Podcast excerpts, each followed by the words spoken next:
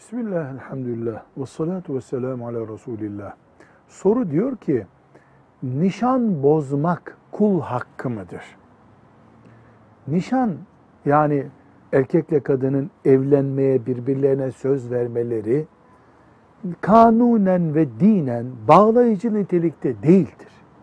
Yani bir hukuk oluşturmuyor. Ahlaki ve vicdani teslimiyet oluşturuyor. Nikahın nişandan farkı nedir?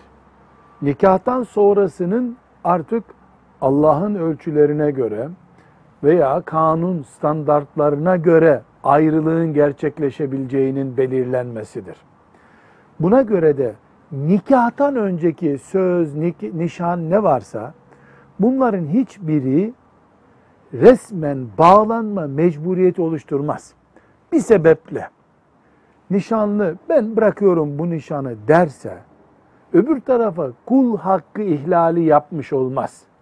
Nişan bozduğu için.